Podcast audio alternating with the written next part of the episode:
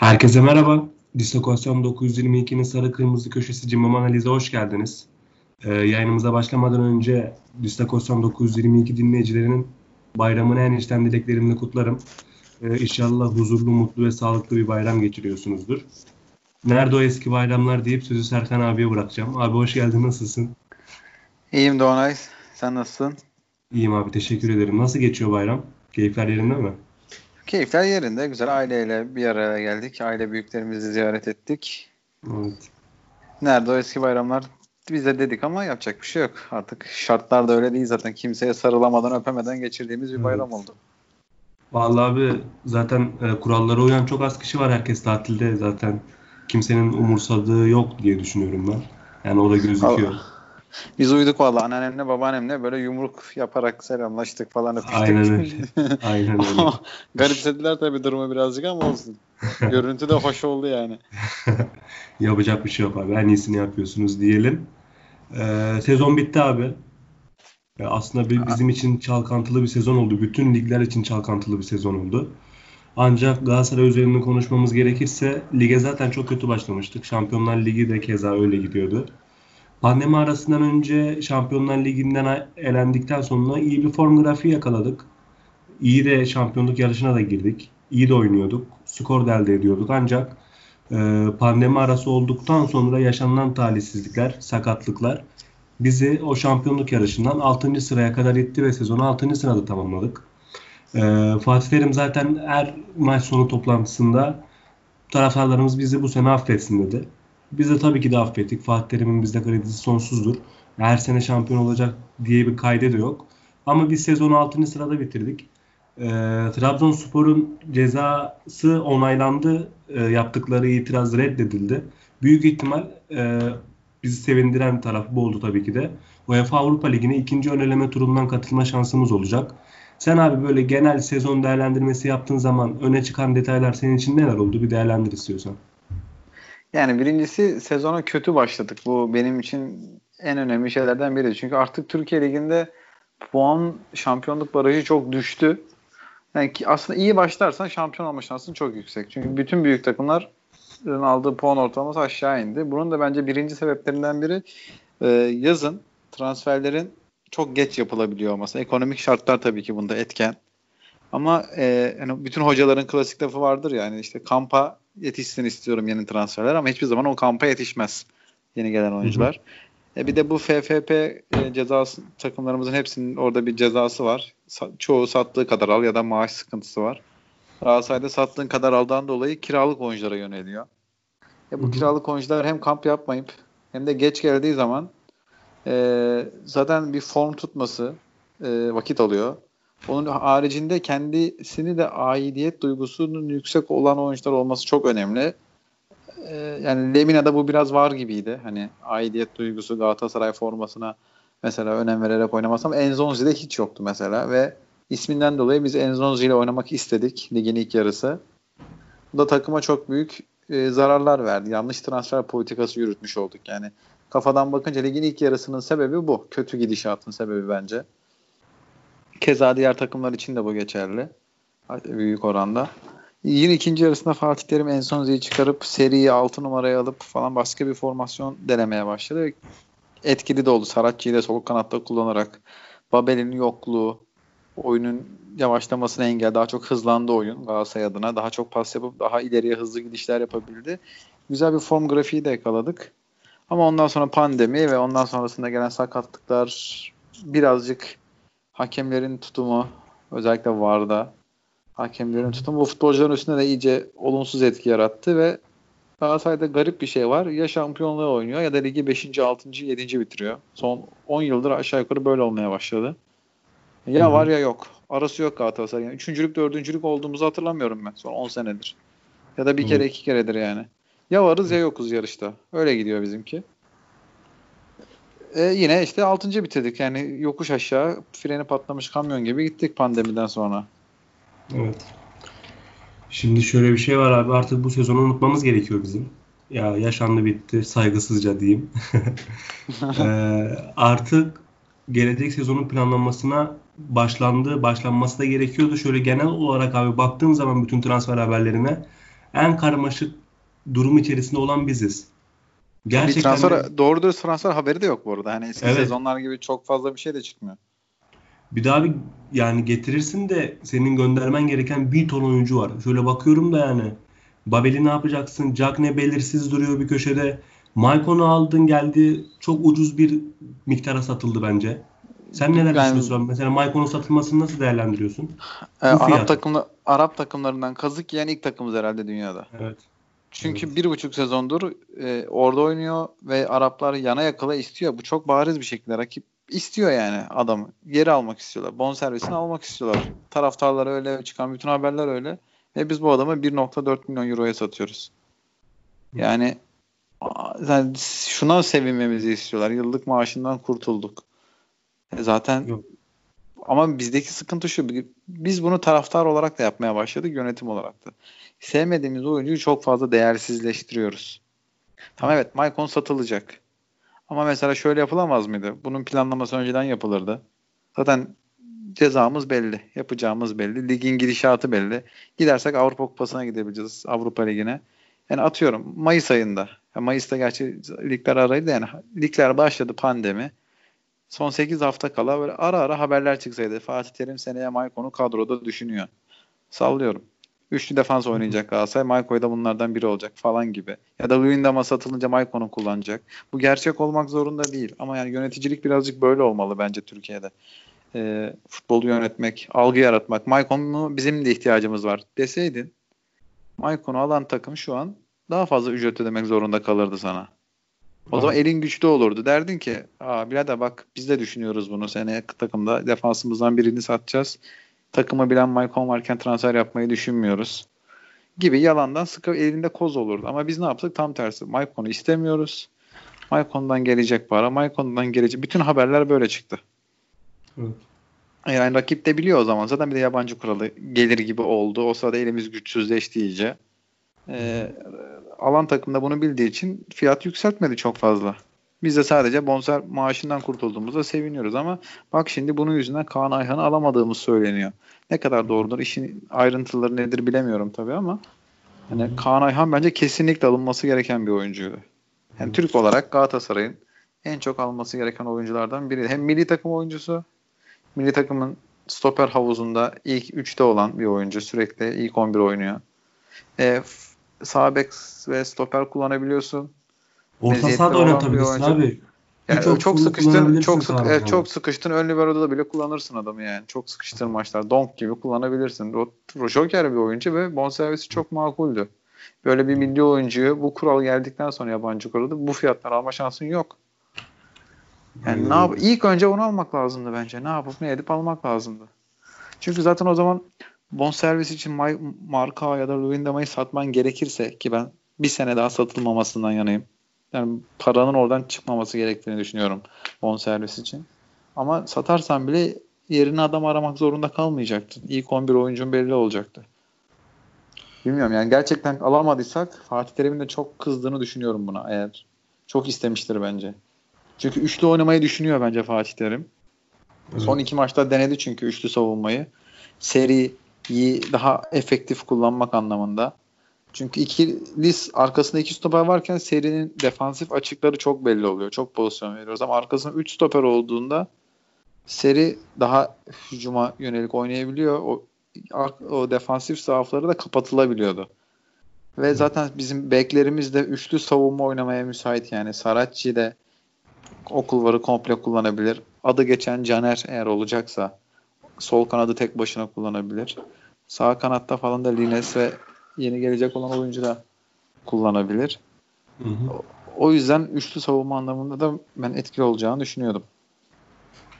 Bir de çıkan haberler doğrultusunda Kaan Ayhan'ın Fatih Terim'le çalışmak istediğini hep duyduk. Bence Kaan Ayhan bu transfere sıcak bakıyordu. Ki hala ben iki gün öncesine kadar sıcak baktığına eminim. Ama artık yani kendisinin de çok genç bir oyuncu. Bir planlama yapması lazım. Ee, Sassuolo'ya büyük ihtimal transfer olacak. Ki Sassuolo gerçekten de sen de biliyorsun abi oyuncu parlatan bir takım. Evet. Ee, ama yine de şu an dün okuduğuma göre tam olarak bu transfer bittiği söylenemez. Daha da görüşmeler yapılıyormuş. Kaan Ayhan başka ama, teklifleri de değerlendiriyormuş. Ama, ama kendisi şimdi, açıkladı dün. Evet bize gelen şeyler evet. bildiğimiz kadarıyla da bonservisi 31 Temmuz'a kadar 2,5 milyon euroydu. Yani evet.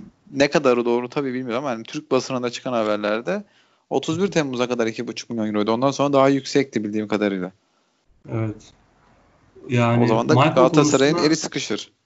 Evet. Maicon konusunda bir şey diyeceğim abi. Mesela bu adam Arabistan'a gidip yatmadı. Süreklilik oynadı. gösteren bir oyuncuydu ve oynadı yani taş gibi oynadı. Ben araştırdığım zaman gerçekten de bu transferin bedavaya bittiğini söylüyorlar. Taraftarların bizim taraftarların birkaç yorumunu okudum. İşte maaş yükünden kurtulduk falan diyorsun da yani biz kendimiz ediyoruz, kendimiz buluyoruz. Bu dünyaya girmiş resmen. Bu adama sen geldiği zaman 8 milyon euro gereksiz bir bonservis bedeli verdin. Evet belki Maicon doğru oyuncuydu. Ama sen ederinden fazla verdin gelmesi için. Üstüne ederinden fazla maaş verdin. Bu hatayı göz ardı etmiyorlar. Verilen maaştan kurtulmayı göz ardı ediyorlar. Ben bunu anlamadım gerçekten de. Yani sonuçta ederinden fazla verdiğin bir oyuncu ederinden az sattığın zaman kar etmiş olmuyorsun. Yani bunu bizim taraftarlarımız anlamıyor. Yani futbolun bir ticaret hane gibi işletilmesi gerektiğini, şirket gibi işletilmesi gerektiğini kulüplerin anlamıyorlar. Ya da evet. algı yönetimin yarattığı algılara onlar da ortak oluyorlar. Ee, ama o değil yani. Ger gerçeklik o değil. Galatasaray Maykon'dan büyük oranda zarar etmiştir. Evet. Ve yerini doldurmak için de bu yani en azından takımı güçlendirmek için oradan gelecek paraya ihtiyaç vardı. Şimdi e, ekstra belki birini daha satmamız gerekecek. Belli bir bütçeye ulaşabilmek için. Satmak istemediğimiz birini de satmak zorunda kalacağız. Evet. Ee, dün Twitter'da bir haber dolaştı abi ben sana onu da sorayım. Ee, Sinan Gümüş ve Kenan Karaman'ın menajeri Ersan Akan Türk Telekom Stadyumunda bir hikaye paylaştı. İki transfer, olası transfer için görüşlerin neler abi? Hem Kenan Karaman hem de Sinan Gümüş. Kenan'ı isterim, Sinan'ı istemem. Evet. Kenan e, Kenan böyle mücadeleci bir sol kanat. Yeri geldiğinde belki sağ kanat oyuncusu olabilir. Hatta Fatih Terim'in elinde belki iki forvet oynarsan ikinci forvet olarak da kullanılabilir evet. belki. Hani evet. birazcık Umut Bulut'a benzetiyorum ben. Umut Bulut'un birazcık daha yeten birazcık daha yeteneklisi. Galatasaray'ın ilk 11 oyuncusu olur mu? Olmaz. Hani kesinlikle de o seviyede değil ama güzel bir görev adamı, iyi bir kulüp oyuncusu olur. E, Sinan Gümüş'ü denedik. Çok fazla meziyeti yok bence. E, Sinan Gümüş'e vereceğimiz şansı bence Yunus Akgün'e versek daha karlı oluruz. Çünkü Yunus'un dar alanda oyunu açma meziyeti Sinan'dan daha iyi. Dar alanda evet. daha çabuk, daha kolay adam eksilten bir adam. Sinan'ın bu seneki performansına aldanmamak lazım. Antalya Spor'da önünde 50 metre boşluklar bularak oynadı Sinan. Evet. Ama Galatasaray'da oynadığında önünde 20 metre 30 metre bir boşluk oluyor. Ee, dar alanda hücum etmek zorunda kalıyorsun. Sinan dar alanda iyi çalım atabilen bir oyuncu değil. Geniş alanda daha iyi. Dolayısıyla da bizim oyun yapımıza uymuyor. Amrabat'ta yaşadığımız şey oluyor yani. Kenan Karaman için şunu söyleyeyim abi. Verimlilik konusunda kafamda soru işaretleri var. Yani verimlilik derken oyun oynama süresini demiyorum. Oynar ancak kanatta bize ne kadarını verebilir onu bilmiyorum ancak bitiricilik konusunda kendisine güveniyorum. Önüne işte gelen kenar, topları veya kenar kenar forvet gibi evet. kullanırsın. Hani yedekten sokup yüklenme oyun olarak yükle, rakip Kesinlikle skor yüklenmen yapar. gerektiğinde girer. Yani rotasyonda bulunması gereken bir oyuncu bence. Evet. Ona varım ama şekilde Kenan Sinan Gümüş'e gerek yok diye düşünüyorum. Evet. Ben de aynı Ama şekilde tabii, düşünüyorum. Ya Sinan'a vereceğimiz şansı Yunus'a verilmesi gerektiğini düşünüyorum. Orada bir yerli kanat oyuncusu ihtiyacımız var sağ kanatta. Çünkü yabancı kuralı gelecek o belli. Ama oraya Yunus'u bence artık hazırlanmalıyız. Tabii ki hoca Yunus'un kapasitesini ve yeterliliğini daha iyi görüyordur bizden ama meziyet olarak Yunus'un daha verimli olabileceğini düşünüyorum ben orada. Sinan'dansa. Şimdi ayrı iki konu var abi. İlk başta istersen bir tanesine değineyim. Ee, değinmek istediğim şey e, Embaya Jack ne? E, Forvet Falcao'yu biliyorsun abi zaten. Süreklilik konusunda kesinlikle maaşı bir kenara bırakıyorum. Zaten bu adam buraya gelirken biz buna bu maaşı vermeye kabul etmişiz ki buraya getirmişiz. Ancak verimlilik konusunda 16-17 maç kaçıran bir Falcao var. Ee, belki de o maçları kaçırmasaydı bir şampiyon olmasak bile ilk 3 içerisine yer alabilirdik. Çünkü oynadığı zaman gol attığını biliyoruz. O belirsiz bir haber Amerika'da forma numarası çıkmış herhalde. Formaları basılmış Falcao'nun. Aynı zamanda Embayacak ne kamp kadrosuna alındı diye konuşuluyor. Bu ikili birlikte mi oynayacak yoksa birisi gidip birisi mi takımda monte edilecek? Neler düşünüyorsun yani, abi? birlikte oynamalarının tarz olarak çok kolay olduğunu sanmıyorum. Ama şu olabilir. Fatih Terim e, Drogba ve Burak'ta yaptığı şeyi Falcao ve Cagney ile yapabilir mi? Orada Drogba'yı asıl santrafor olma, olmamaya ikna edebilmişti mesela. Bu büyük bir hocalık örneğiydi. Demişti ki yani Drogba'ya bizim gol atacak adamımız Burak.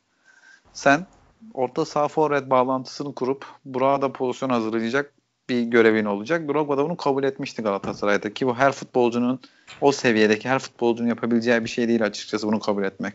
Çünkü dünya starısın. Ömrünce gol atan adam sen olmuşsun. Ama Drogba'nın Galatasaray'daki görevi birazcık daha farklıydı. Takımı oraya yerleştiren, rakip yarı sahaya yerleştirilmesini sağlayan oyuncu pozisyonundaydı Drogba. Ve rakip stoperleri dağıtıp Burak'ın da futbol tarzıyla da alakalı tabii avantajı vardı. Burak boş alanlara koşan bir forvet. Drogba da o boş alanları çok iyi yaratıyordu. Ama şimdi Cagney'i Burak'ın yerinde konuşursak ne Cagney o boş alanlara koşan forvet tarzı olarak. Yani stoperler Falcao ile ilgilense bile Cagney sürekli depresi olan bir adam değil boşlukları. Daha ceza sahası forveti Cagney. Falcao da Drogba gibi e, o kadar kaleden uzaklaşarak oynayabilecek bir oyuncu değil tarz olarak. Falcao da ceza sahası forveti. Yani bu ikisi yan yana tarz olarak bana çok mantıklı gelmiyor. Ee, birinden birini elden çıkarmak istiyordur. Ama tabii ki bonservisi de gelmezse yapacak bir şey yok. Ben mesela şeyi düşünüyorum. Galatasaray 3 defans oynayıp eğer 2 forvet oynayacak olursa Emre Akbaba'nın Falcao'nun yanındaki adam olacağını düşünüyorum mesela. Hı hı. Emre Akbaba'yı ikinci forvet gibi yani orta sahayla forvetin arasında o köprü görevini zamanında Necati'nin yaptığı görevi üstleneceğini düşünüyorum. Çünkü ceza hı. sahasında etkili bir adam ama geriye gelip top aldığında ayaklara iyi oyun kurulumunu bilen bir adam. Ama Falcao ve Cagney'i böyle ikili yaptığında o verimi alamayız gibime geliyor. Diğer ama konu... e, atamıyorsun da çünkü ikisinin de maliyetleri çok yüksek. Evet. Değersizleştirmemek de lazım. Evet. Cagne varsa elinde, alan yoksa kullanmanın da bir yolunu bulmak lazım. Çünkü atar evet. Sağdan soldan orta açsak maç boyunca atar, ikisi de atar yani. İçeride ikisi de varsa. Evet. Ya aslında abi artık biraz da yani öz eleştiri yapmam gerekirse ben artık sürekliliğe bakmak istiyorum. Artık ben isme bakmak istemiyorum gerçekten. Kesinlikle yani sezon öyle. öncesinde sezon öncesinde harika bir kadro kurduk. Son 10-15 yılın en iyi kadrosu kuruldu dendi. Şampiyon gözüyle bakıldı. Şampiyonlar Ligi grubu belirlendi. Yine de Galatasaray bu, bu takımla bu gruptan çıkabilir konuşuldu. Ama elde var sıfır. Süreklilik konusunda Lemina çok iyiydi gitti. Sere ilk yarısı kötüydü, ikinci yarısı gayet iyiydi. Falcao kaç maç kaçırdı? Gerçekten ben artık isimler yani mesela şu kadroda sezon en iyi oyuncusunu kim söylersin abi? Bir kişi var. Ömer Bayram. Ömer, yani yani evet. Yani abi en verimli oyuncu senin Ömer Bayram. Ben artık şampiyon olsaydık de... ben seri derdim. Evet. O performans devam etseydi seri diyecektim ama e, pandemiden sonra olmadığı için yani göze batan bir tek Ömer Bayram oldu. O da çalışarak yaptı sadece yetenekleriyle evet. değil de çalışkanlığıyla yaptı.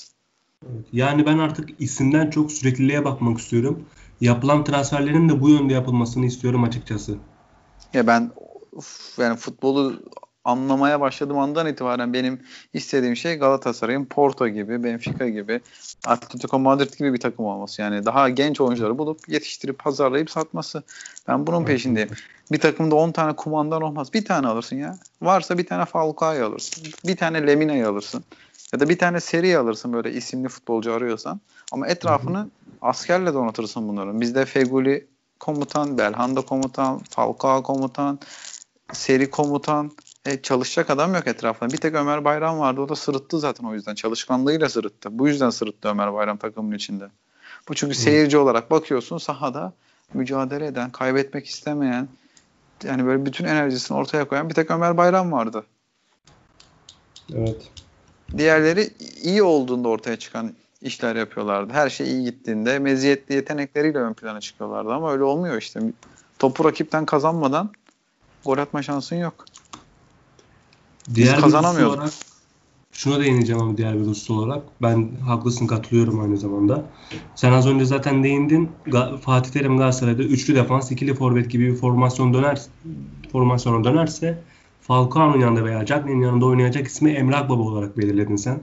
Ben de buna Şu an katılıyorum. şu anki Öyle olur. şu anki kadroda yani şu anki Evet. güç- e, elimizdeki oyunculara baktığımda Ee, Yoksa peki ihtimal dışında ihtimal dışında Belhanda büyük ihtimal bu sezon %95 civarında satılacak. Satıldığı takdirde Galatasaray bu formasyona dönüp bir 10 numara almaz mı yoksa bu formasyonda kalsa bile Emrah Baba'yı mı orada oynatır? Ki Emrah Baba'nın da son maçta sakatlığını, sakatlandığını söyleyelim.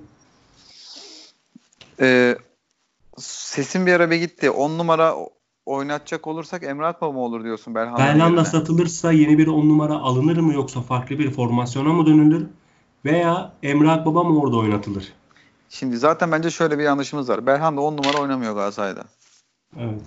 Belhanda 8-8.5 gibi bir görevi var. Yani orta saha forvet bağlantısını kuran oyuncu. Belhanda 10 numara oynamıyor. Zaten 10 numara meziyetleri olan bir oyuncu da değil. Emre Akbaba da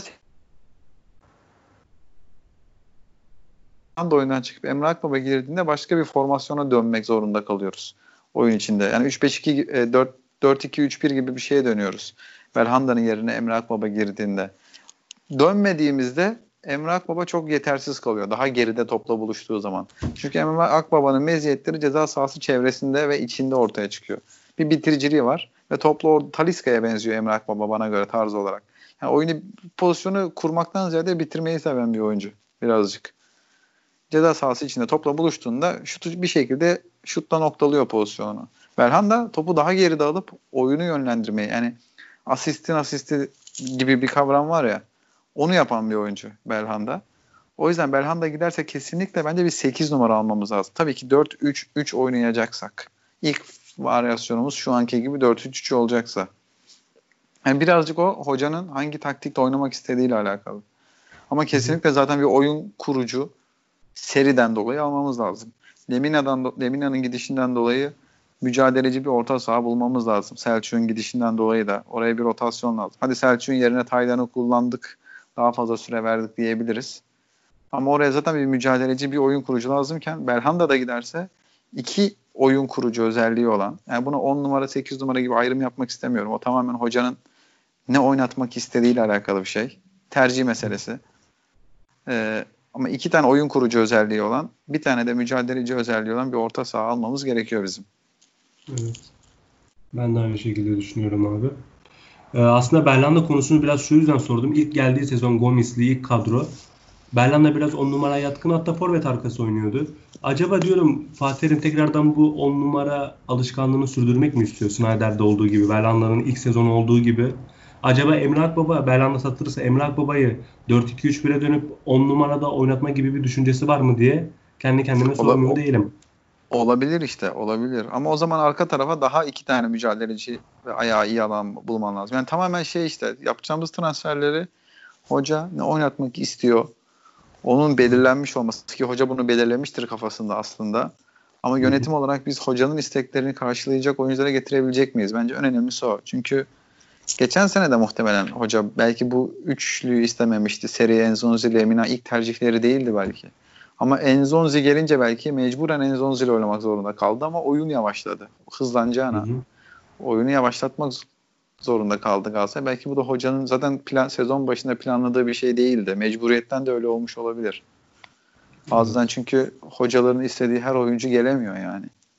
Şartlar ki Türkiye'de Türk takımların şartları bun, e, hiç yok neredeyse. Birazcık menajerlerin eline düşmüş durumdayız yani o konuda. Evet. Tam üstüne bastın abi. Ben de diğer konuya geçecektim zaten. Ee, gelecek sezonun planlamasını yapılan transferlere göre ve Fatih Terim'in kafasındaki düşünceye göre zaten göreceğiz, şahit olacağız. Ee, bunu bir kenarda bırakalım abi söyleyecek son bir şeyin yoksa bu konuyla ilgili. Ee, Yani tamam aynen bırakalım. Ben çok e, hocanın istediği gibi tamamlanacağını düşünmüyorum hı transferlerin. Yani en azından ilk tercihleri transfer edilemeyecektir. Parasızlıktan dolayı ve adam satamadığımız için. Çünkü her geçen gün bizim aleyhimize işliyor. Hocanın istediği adamlar belki de transfer oluyor başka takımlara. Ki Kaan. Ayhan mesela bunun bir örneği. Yabancı oyuncular da öyle. Ee, o yüzden son şey şöyle düşünmek istiyorum. Keşke Avrupa'ya gitmeseydik diyorum bir yandan. Bir yandan. Ee, son senemizi böyle kendi ligimizde kavrularak geçirseydik. Çünkü 21 takım oldu. 42 tane maç yapılacak. Ee, bunun Türkiye Kupası var, Avrupa Kupası var. Galatasaray 60 küsür maça çıkacak en az. sezonda. Hiç hiç konudan sapmayalım abi. Ben sana direkt soralım, sorayım. Sor. Ligin 21 takımla oynanmasını nasıl düşünüyorsun?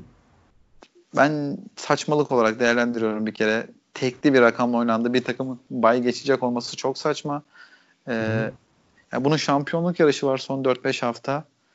Ee, sürekli bir takım onlardan biri belki bay geçecek. Küme düşme yarışı var.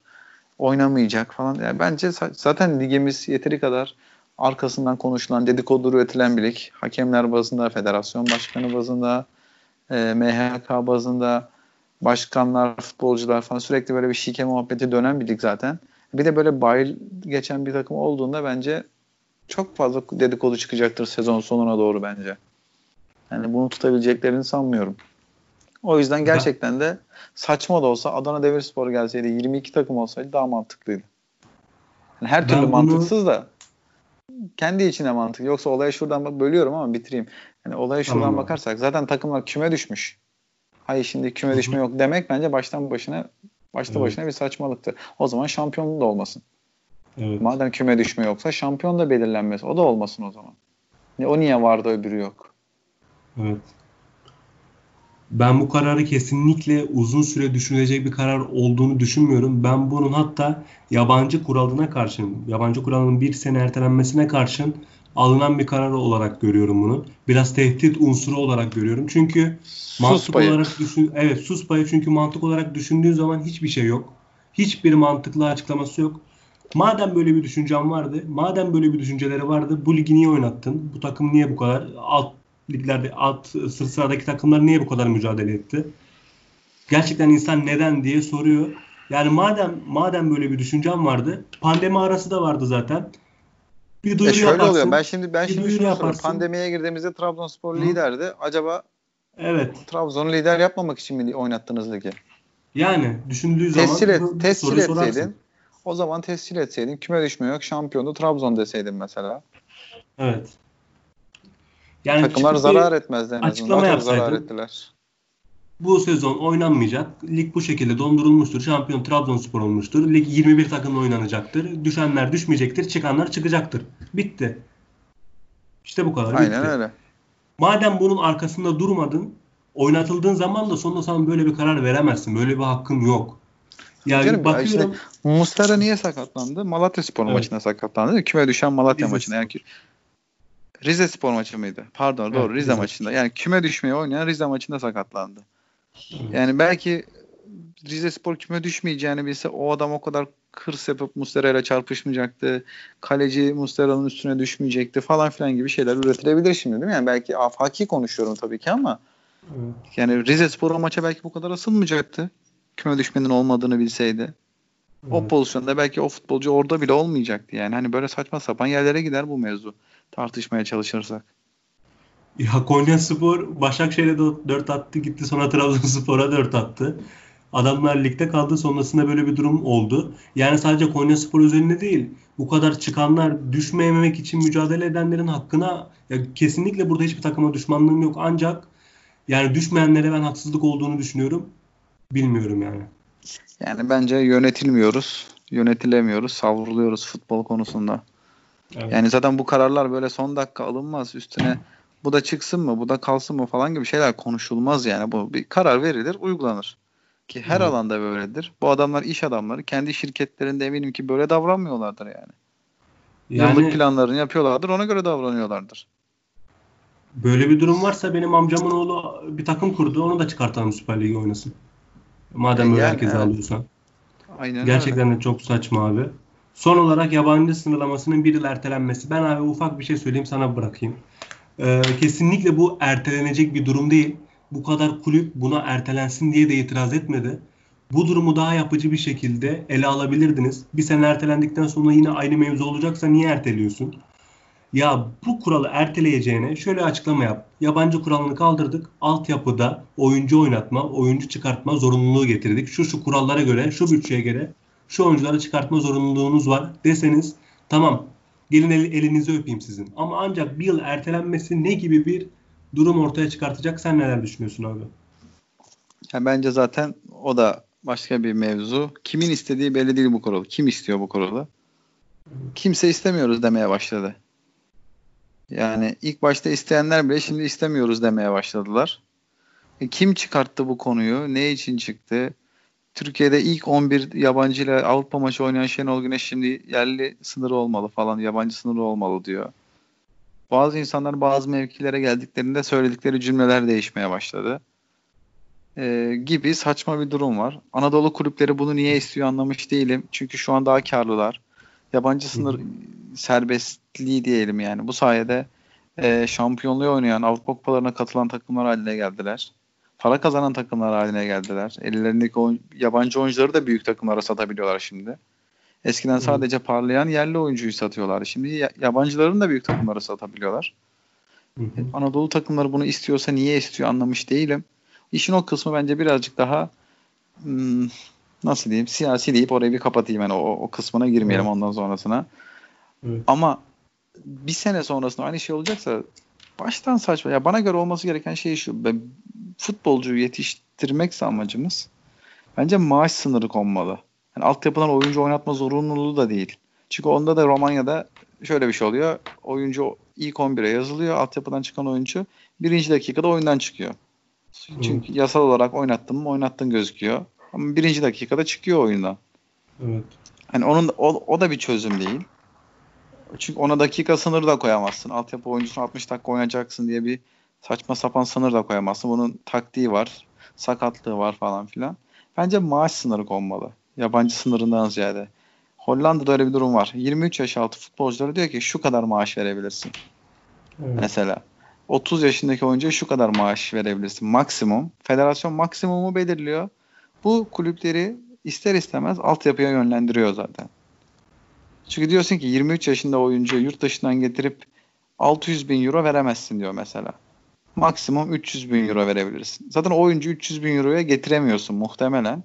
Getiremediğin için altyapıdaki oyuncu oynatayım diyorsun. O seni zorunlu olarak oraya yönlendiriyor.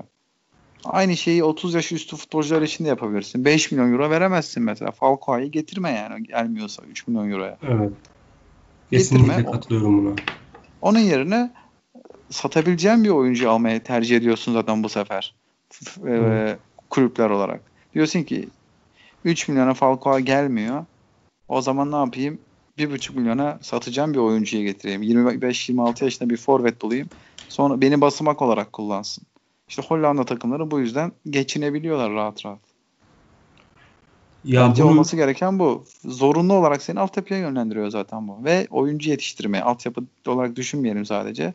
Yabancı da getirsen geliştirip satmaya yönlendiriyor seni. Kesinlikle teşvik etme kuralının birinci sırasında bu yer alır. Kesinlikle, kesinlikle ve kesinlikle teşvik eden birinci unsur budur. Yani abi şöyle düşünüyorum mesela sen konuştuğunda aklımdan mı geçirdim?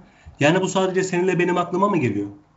Yani bu ya. Türkiye Futbol Federasyonu'nu kaç kişi yönetiyor? Kaç tane yardımcıları var? Kaç tane futbol scoutları var? Bilgi, bilgileri var? Yani kimsenin aklına gelmiyor mu bu durum? Ben bunu anlamış Tabii, değilim.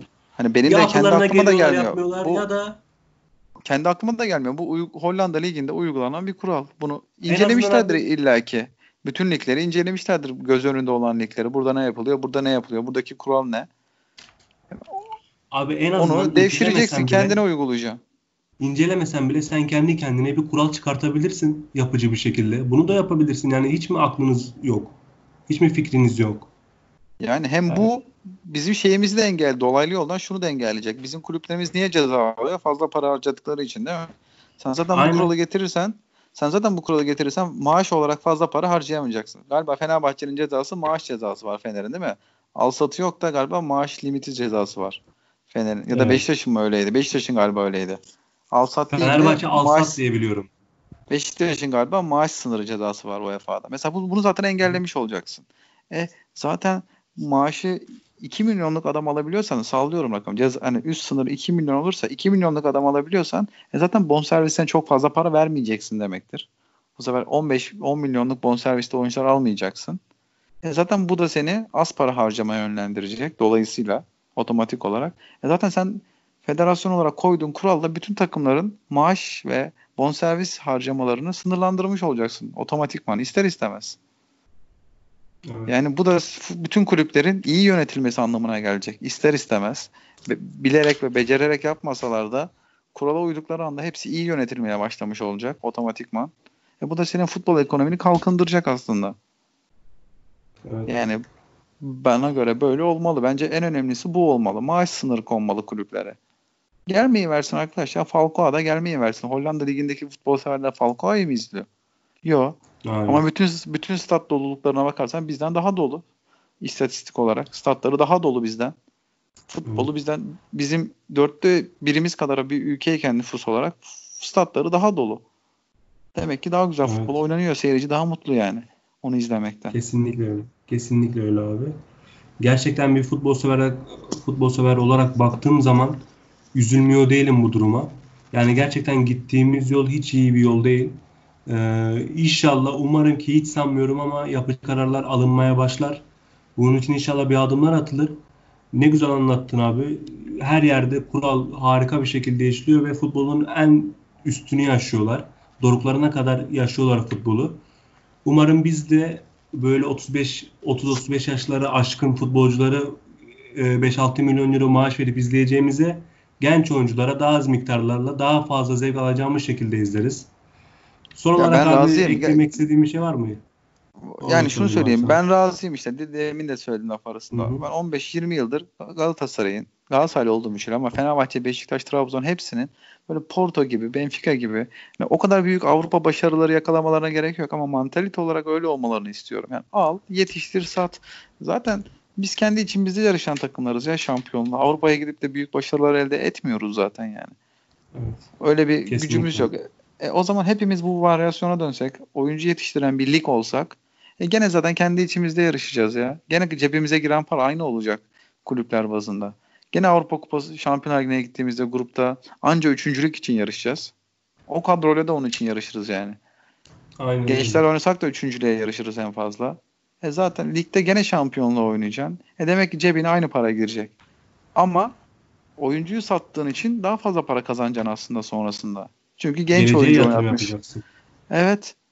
Yani çok da zor değil bence ama bunu birinin çıkıp cesur bir başkanın çıkıp bunu anlatması, kendi kulübünü inandırma. Bir kulüp bunu yapsa hepsi bunu yapmaya başlayacak. Ama bir tane cesur bir başkan lazım. Taraftarı oynamayan, tribünü oynamayan bir tane başkan lazım. Cesur, açık sözlü. Diyecek ki arkadaş ben bana 3 yıl göreve geldim. 2 yıl müsaade edin takımı gençleştireyim. 3. yılda başarıya oynayacağım. Ondan sonra kulübün vizyonu bu olacak. Benden sonra gelen başkanlar da bunu yapsın. Bence evet. her kulüp taraftarı şu an kabul eder. Şu anda tam zamanı bu kadar ceza varken UEFA'dan baskı varken. Çünkü oraya da topu atabilirsin. Bu yüzden böyle yapıyoruz da diyebilirsin mesela. E zaten Fenerbahçe 8 yıldır şampiyon olmuyor ya. Bu 8 yılda bunu yapsaydı yani. Kesinlikle öyle. Biraz da burada taraftarların etken, etkeni olduğunu düşünüyorum ben. Biz abi ya, halk tabii. olarak sabırsızız. Yani kimseye 8 sene bir e, beklenti süresi içerisinde kalmaz ki kalsalar olumlu olacak. Mesela Fenerbahçe bu süreyi zaten şampiyon olamadın. Gençlere yatırım yaparak geçirseydin belki de şu an harika bir genç kadron olacaktı. Aynı zamanda mesela bak Başakşehir örneğini vereceğim. Başakşehir'in belki yaş ortalaması çok yüksek. Ancak taraftarsızlığın olumlu yönlerini şurada görebiliyoruz. 6 sene boyunca bir kemik kadroyu kurdurdular. Tabii ki de oyuncular değişti ancak oynanan oyun oyuncuların tipi hep aynıydı. İsimler de hep aynıydı. 6 yıl sonunda gelen bir şampiyonluk var. Ve şu an Okan Buruk'la birlikte bence çok iyi bir formasyonları olduğunu düşünüyorum ben. Kesinlikle. Yani orada da bir sistem üstüne gittiler. Biz bu oyunu oynayacağız. O oyuna uygun oyuncuları transfer ettiler. Evet. Aynen öyle. Yani bizim de bunu yapmamız lazım. Bir format belirleyip altyapıdan itibaren aynı formatla oynatıp çocukları büyük takıma A takıma gelene kadar 4-3-3 mü? 4-3-3 üstüne futbolcu yetiştirip A takıma hemen onları yeri geldiğinde e, alıştırıp yerleştirip transferleri de buna göre yapmak lazım. Ne olduğunu bilinmesi lazım. Bir kulübün bir vizyonu olur ve taktiği olur. Onu bilmek lazım. Öyle Aynen. oynamak lazım. Vallahi burada akşama kadar konuşsak çare bulamayacağız. Konu da bitmiyor. Ee, Futbolu futboldan tab- gelen adamların Aynen yönetmesi lazım. Kulüp başkanları, federasyon başkanları dahil. Futboldan gelen iş adamları, müteahhitlerin yönetmemesi lazım futbolu. Evet. Öyle olduğunda Aynen. anca anca öyle olduğunda biz birazcık kalkınabiliriz. Vallahi ilerleyen günlerde daha konuşacak çok konumuz olacak. Çünkü gündem bayağı bir yoğun olacak diye düşünüyorum. Hem Galatasaray açısından hem de Türk futbolu açısından. Yine senin müsait olduğun bir zamanda yayınımızı yaparız. Son olarak eklemediğim bir şey yoksa abi yayını bitireyim. E, dillerine sağlık diyorum. Katıldığın için aynı zamanda teşekkür ediyorum. Ben E, teşekkür son ederim. eklemek istediğim bir şey varsa abi ekle kapatalım. Yok benim yani şu an konuşacağımız şeyleri konuştuk. İlerleyen günlerde muhtemelen transferleri konuşmaya başlarız. Çünkü Evet. çok fazla vakit yok yani sezon kampı için. Bir hafta 10 gün sonra takımlar Evet, kamp yapmaya başlayacak. Ee, herhalde bir sonraki konuşmamızda da isimler yavaş yavaş belli olmaya başlar. İnşallah başlar. Kampa yetişir hocaların istediği gibi transferler. Hem öyle olur hem de kamp da başlamış olur büyük ihtimal. Kamptan çıkan öne çıkan detayları da konuşuruz seninle birlikte abi. Sen de müsait olursan. Değerlendiririz. Dinleyicilerimizi eksik bırakmayız. Ee, sana tekrardan teşekkür ediyorum abi. Bugünlük programımıza geldik. Bizi dinlediğiniz için teşekkür ediyoruz. Tekrardan hayırlı bayramlar diliyoruz.